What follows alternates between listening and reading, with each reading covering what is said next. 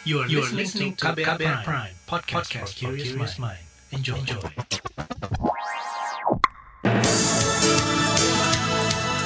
Selamat pagi saudara, jumpa lagi di program Buletin Pagi edisi Kamis 16 Desember 2021. Saya Naomi Liandra. Sejumlah informasi pilihan telah kami siapkan, di antaranya marak kasus pemerkosaan di pesantren, pemerintah perkuat regulasi dan pengawasan. Lebih dari seribu kasus pungutan liar berhasil diungkap Satgas Sabar Pungli tahun ini. Semeru masih terus keluarkan letusan dan berstatus waspada. Inilah Buletin Pagi selengkapnya. Terbaru di Buletin Pagi. Belum lama ini, jagat media sosial tengah diramaikan dengan pemberitaan kasus kekerasan dan pelecehan seksual di sejumlah lembaga pendidikan agama. Di antaranya kasus pemerkosaan belasan santriwati di Garut oleh guru pesantren bernama Heri Wirawan. Disusul kemudian pencabulan 10 santriwati di Depok oleh guru agama berinisial MMS. Maraknya kasus pemerkosaan ini membuat Menteri Agama Yakut Holil Komas geram. Ia menegaskan siap melakukan sederet langkah agar kekerasan seksual di lingkungan lingkungan pendidikan agama bisa dicegah. Yakut juga memerintahkan jajarannya untuk menginvestigasi pesantren dan semua satuan pendidikan, mulai dari madrasah hingga perguruan tinggi keagamaan. Sementara itu, Direktur Pendidikan Dinia dan Pondok Pesantren Kementerian Agama Waryono Abdul Gofur mengomentari pemerkosaan yang dilakukan oleh pendiri atau pemimpin pesantren. Ia menduga ada niat buruk oleh pelaku pemerkosa saat mendirikan pesantren. Tujuannya adalah memenuhi nafsu seksual boleh jadi motif ya. Ini motif sekali lagi kita perlu cek lebih dalam lagi. Ketika mendirikan pesantren bukan tujuan untuk mencerdaskan, tapi boleh ya. jadi dia menggunakan bahasa agama, menggunakan bahasa pesantren untuk sesuatu yang bersifat keuntungan pribadi, untuk apa? Memuaskan nafsu gitu ya. -hmm. Ini kan berarti yang apa? Yang perlu diinvestigasi lebih jauh oleh kami. Direktur Pendidikan Diniyah dan Pondok Pesantren Kementerian Agama Waryono Abdul Gofur menambahkan, kementeriannya akan memperketat izin pendirian pesantren dan lembaga pendidikan agama. Ini dilakukan agar tak lagi muncul pelecehan seksual. Pemberian izin itu juga akan melibatkan ormas Islam supaya calon pendiri pesantren dan sekolah agama dengan konsep berasrama mendapat referensi dan rekomendasi juga dari masyarakat luas. Selain Kemenak, Menteri Pemberdayaan Perempuan dan Perlindungan Anak Bintang Puspayoga juga mengatakan pemberian izin mendirikan pesantren atau sekolah berasrama ke depannya akan diperketat. Pengawasan oleh pemerintah daerah juga akan dimaksimalkan guna mencegah terjadinya kasus pemerkosaan pada santri dan peserta didik. Pencegahan harus menjadi penyelesaian daripada maraknya kasus-kasus ini. Nah terkait dengan pencegahan, nah di sinilah kami ingin mengajak semua pihak, kementerian lembaga, pemerintah daerah, lembaga masyarakat, lembaga agama kita bergerak bersama-sama. Bagaimana juga kami sudah membangun komitmen dengan Bapak Menteri Agama untuk mengawal ini ke depan untuk uh, izin-izin kepada pendidikan berasrama ini akan lebih selektif lagi. Ya. Menteri PPPA Bintang Puspayoga juga menuturkan pemerintah tidak ingin hanya bersifat sebagai pemadam kebakaran, artinya baru melakukan pencegahan pada saat pemerkosaan sudah terjadi. Bintang mengimbau masyarakat bila mengetahui ada keganjilan dan pelanggaran norma susila di pesantren dan sekolah berasrama agar segera melapor melalui call center 129 atau WhatsApp nomor 0811 1129 129. Sementara itu, Wakil Gubernur Jawa Barat UU Rusanul Ulum mengatakan akan membentuk Dewan Pengawas pesantren atau majelis masyaki. Tujuannya untuk meningkatkan pengawasan terhadap lebih dari 12.000 pondok pesantren se-Jawa Barat. Lembaga ini diharapkan dapat mewujudkan pendidikan pesantren yang bermutu dengan memperhatikan aspek sumber daya manusia maupun sarana dan prasarana. UU menyebut payung hukum membentuk Dewan Pengawas Pesantren adalah Undang-Undang Pesantren dan Perda Jawa Barat tentang fasilitasi penyelenggaraan pesantren. Diharapkan Dewan Pengawas Pesantren sudah terbentuk dan bekerja pada tahun depan. Pembentukannya bermula dari tingkat provinsi kemudian ke kabupaten kota. Dewan Pengawas Pesantren Jawa Barat terdiri sejumlah unsur, seperti Ormas Islam, MUI, dan lainnya. Menyikapi banyaknya kasus kekerasan dan pelecehan seksual di pesantren, Asosiasi Pesantren Nadlatul Ulama mendukung rencana penerbitan pedoman pesantren ramah anak oleh Kementerian Pemberdayaan Perempuan dan Perlindungan Anak atau PPPA. Pengurus Bidang Divisi Media Asosiasi Pesantren NU Abdullah Hamid menilai pedoman itu sudah sesuai dengan nilai akhlak yang dijaga oleh pesantren. Abdullah juga setuju bila Kementerian Agama membentuk Direktorat Pengawas pesantren karena selama ini memang belum ada. Selama ini yang ada pengawas memang sementara ada di sekolah-sekolah formal seperti madrasah ibtidaiyah, madrasah sanawiyah maupun aliyah. Di sekolah-sekolah non formal maupun pesantren memang belum ada. Dengan ada wacana dari Gus Menteri, ini nanti konsekuensinya juga akan ada pengawas pesantren. Tapi tidak hanya dilakukan untuk tadi. Jadi bukan respon terhadap kasus itu, tapi ini adalah wacana yang sudah lama digulirkan di tingkat Kementerian Agama Republik Indonesia Pengurus bidang divisi media Asosiasi Pesantren Nahdlatul Ulama Abdullah Hamid mengingatkan, pesantren sebagai lembaga pendidikan tertua di Indonesia punya tiga fungsi khusus sesuai undang-undang, yaitu sebagai lembaga pendidikan dan pengajaran, lembaga dakwah, dan lembaga pemberdayaan masyarakat. Karena itu, masyarakat berhak mencurigai pesantren jika tertutup secara sosial dengan masyarakat. Anggota Komisi Bidang Agama dan Perlindungan Anak di DPR, Maman Imanul Haq, menilai kekerasan seksual yang terjadi di pesantren dan sekolah berasrama disebabkan kurangnya pengawasan. Selain itu, sosialisasi pencegahan perilaku kekerasan seksual juga kurang dilaksanakan.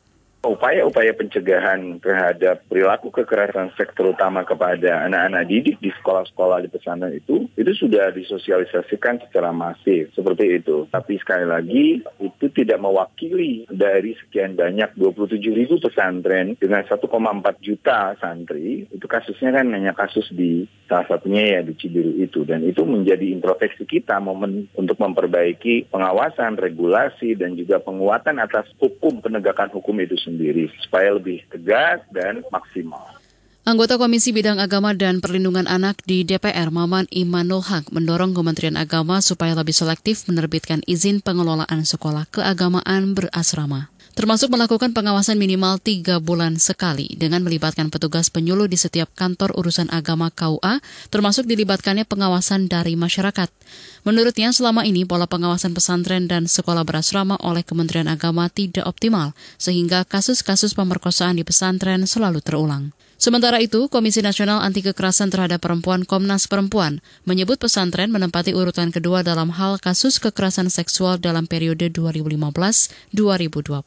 Sepanjang 2015 hingga 2020 ada sebanyak 51 aduan kasus kekerasan seksual di lingkungan pendidikan yang diterima Komnas Perempuan. 19 persen terjadi di pesantren atau pendidikan berbasis agama Islam, 15 persen terjadi di tingkat SMU, SMK, 7 persen terjadi di tingkat SMP, dan 3 persen masing-masing di, di tingkat TK, SD, SLB, dan pendidikan berbasis agama Kristen. Pungutan liar sulit diberantas masyarakat ada beranggapan pungli, hal yang wajar. Informasi selengkapnya hadir sesaat lagi, tetaplah di Buletin Pagi KBR. You're listening to KBR Pride, podcast for curious mind. Enjoy!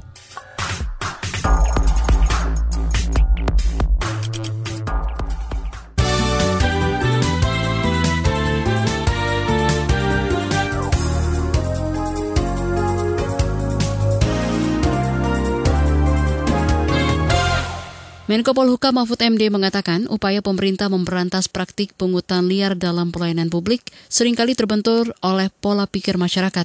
Ia menyebut masih menganggap pungli adalah hal yang wajar. Ia juga mengatakan praktik pungli terjadi bukan hanya di level kementerian dan lembaga negara, tapi juga berkembang pada level pemerintah daerah.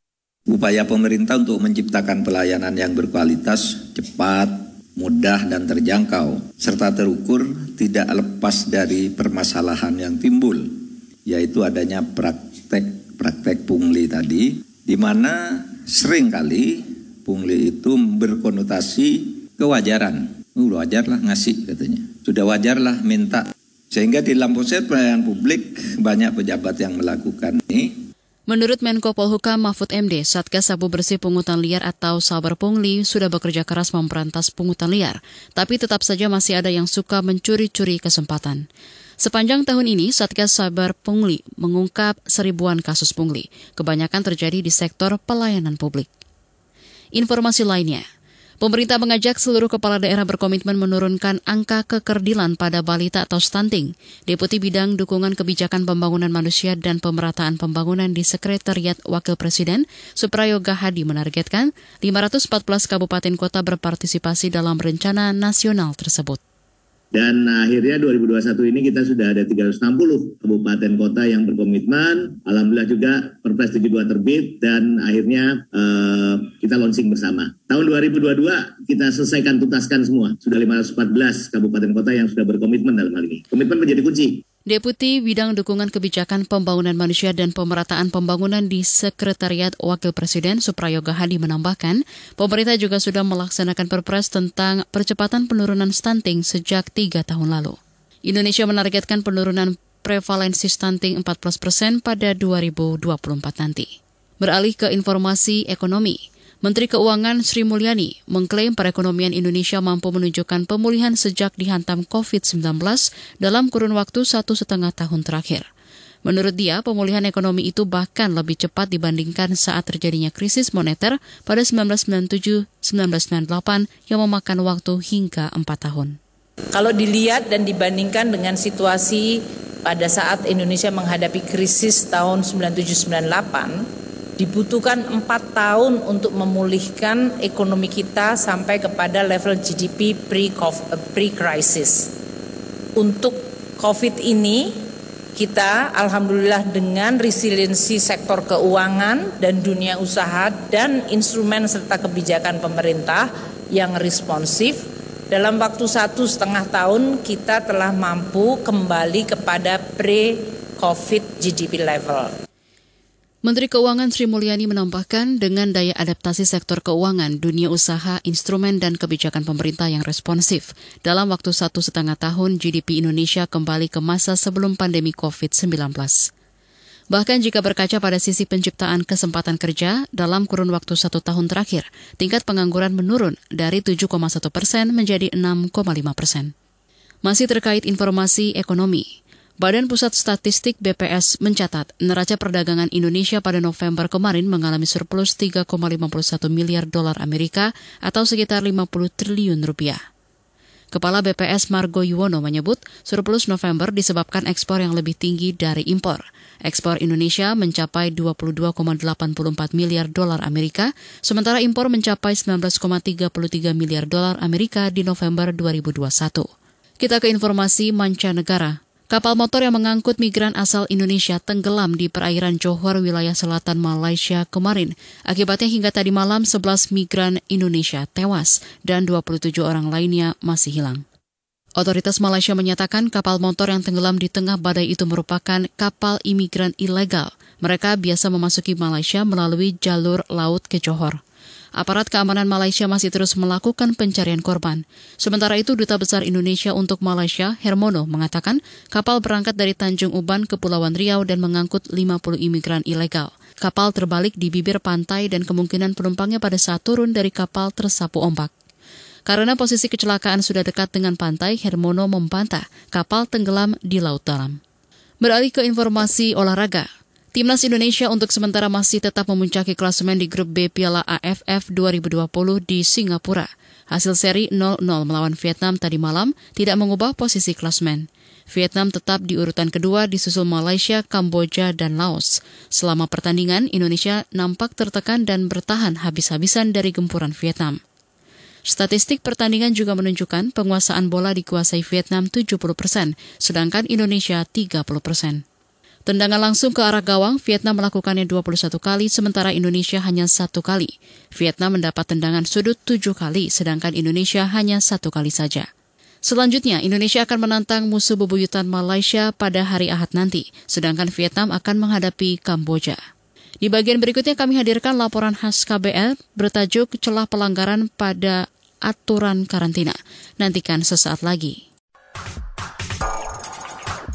You're listening to KBR Pride, podcast for curious mind. Enjoy!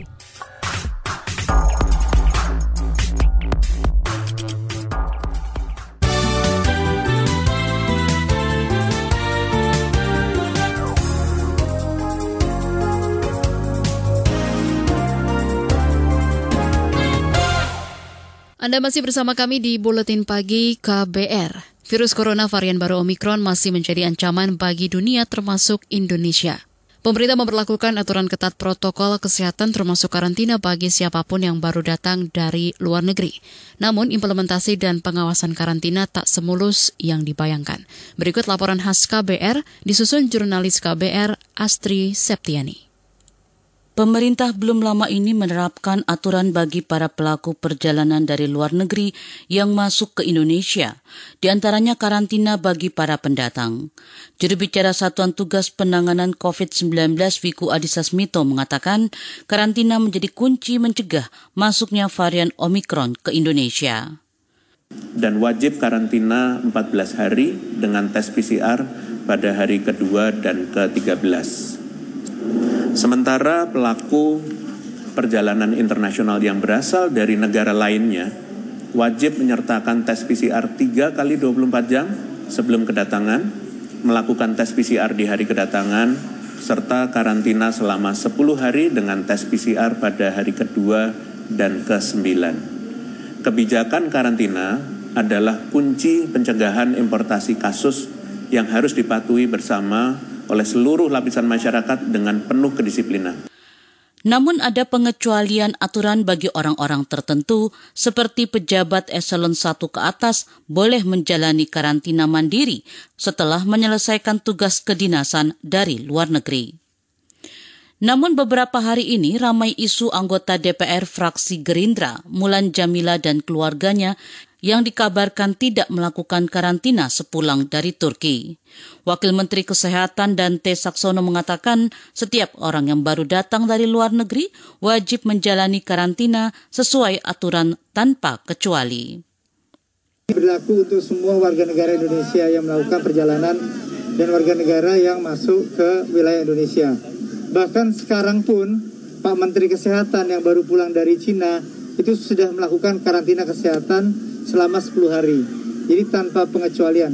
Tidak ada pengecualian untuk seluruh warga negara, baik asing maupun Indonesia, yang baru berpergian dari luar negeri harus mengalami menjalani karantina selama 10 hari.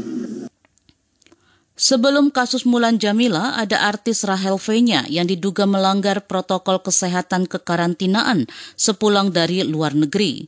Dia dikabarkan menyuap 40 juta rupiah kepada pihak dalam tanda kutip Satgas agar tidak menjalani karantina sesuai ketentuan selama 8 hari. Dia pun diadili di Pengadilan Negeri Tangerang, Banten. Tim Jaksa Penuntut Umum Kejaksaan Negeri Tangerang menuntut Rahel Fenya hukuman 4 bulan hukuman percobaan. Kebijakan pemerintah soal karantina banyak mengundang sorotan karena dinilai berubah-ubah dan tidak satu suara sehingga membingungkan masyarakat. Pengamat kebijakan publik Trubus Rahardiansyah menilai tumpang tindih informasi tersebut bukti dari kurangnya koordinasi pemerintah. Dia menyebut aturan karantina menjadi multitafsir dan membuka celah menciptakan pelanggaran. Mengindikasikan bahwa e, buruknya komunikasi di, di, mas, di pemerintah sendiri yang menyebabkan aturan tentang karantina ini tidak dipahami oleh masyarakat. Aturan ini membuka celah, membuka, membuka celah atau ruang untuk terjadinya uh, penyimpangan-penyimpangan gitu. Di mana kemudian kewajiban 10 hari uh, 10 hari ya 10 hari untuk karantina itu itu dipahami secara berbeda uh, dalam penegakannya itu jadi membingungkan gitu. Trubus Rahardiansyah juga menyoroti lemahnya pengawasan dan penindakan terhadap terduga pelaku pelanggar karantina. Dia meminta pemerintah memperbaiki penerapan kebijakan karantina, sekaligus membenahi penyampaian informasi kepada masyarakat. Karena pengawasan yang lemah, maka Anda lihat hasilnya V-nya itu kan di pengadilan sampai mengungkapkan bahwa mereka membayar uang 40 juta untuk tidak mengikuti karantina itu kan proses karantina. Nah, jadi ini memang mengindikasikan di dalam pelaksanaan atau implementasi kebijakan karantina itu masih banyak celah-celah hukum dan dimanfaatkan oleh uh, oknum-oknum tertentu untuk mencari kepentingan sendiri gitu loh, untuk, untuk kepentingan dirinya gitu. Jadi uh, ini yang menyebabkan kemudian penanganan COVID itu Karena ini kan konteksnya kan penanganan COVID, jadi penanganan COVID-nya makin tidak jelas gitu. Trubus meminta agar informasi mengenai karantina dilakukan pemerintah melalui satu pintu, sehingga tidak ada lagi tumpang tindih informasi yang berujung celah baru bagi pelanggar karantina. Laporan ini disusun Astri Septiani. Saya Fitri Anggreni. Informasi dari berbagai daerah akan hadir usai jeda. Tetaplah bersama Buletin Pagi KBR. You're listening to KBR Pride, podcast for curious mind. Enjoy!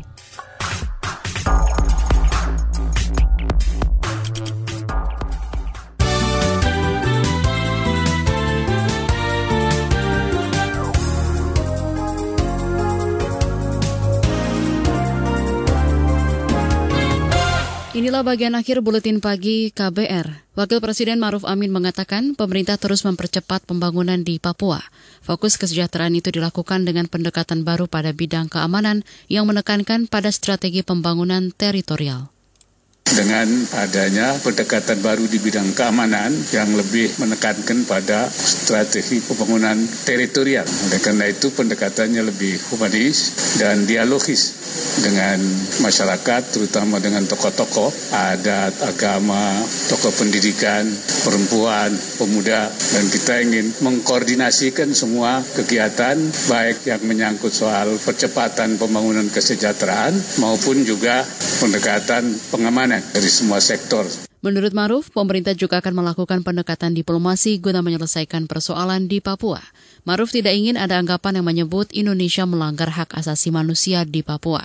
Sejumlah hal akan dipercepat di Papua termasuk pemekaran wilayah berikut pembangunan infrastrukturnya. Kita perbarui informasi erupsi Semeru.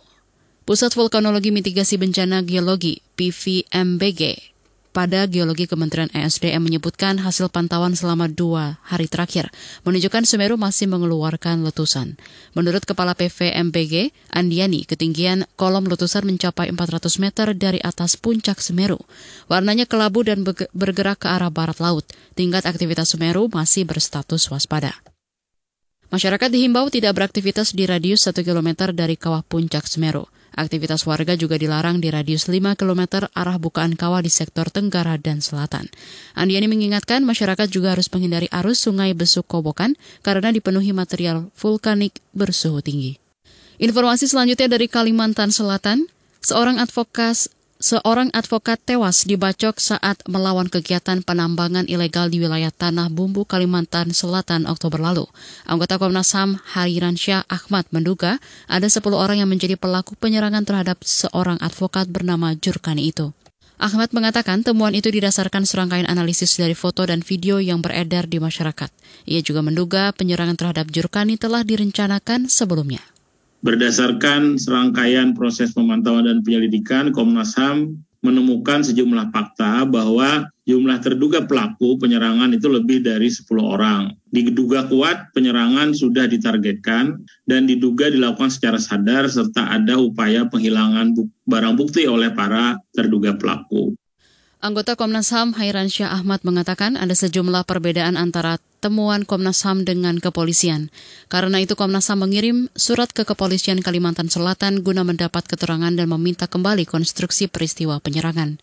Komnas HAM juga mendesak Polda Kalimantan Selatan bekerja profesional dalam mengungkap kasus Jurkani. Informasi tadi menutup jumpa kita di Buletin Pagi hari ini. Pantau juga informasi terbaru melalui kabar baru, situs kbr.id, Twitter kami di akun @beritaKBR, serta podcast di alamat kbrprime.id. Akhirnya saya, Naomi Liandra bersama tim yang bertugas undur diri. Salam.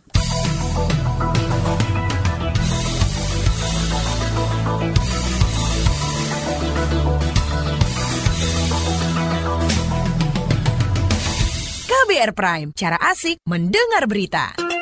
KBR Prime, podcast for curious mind.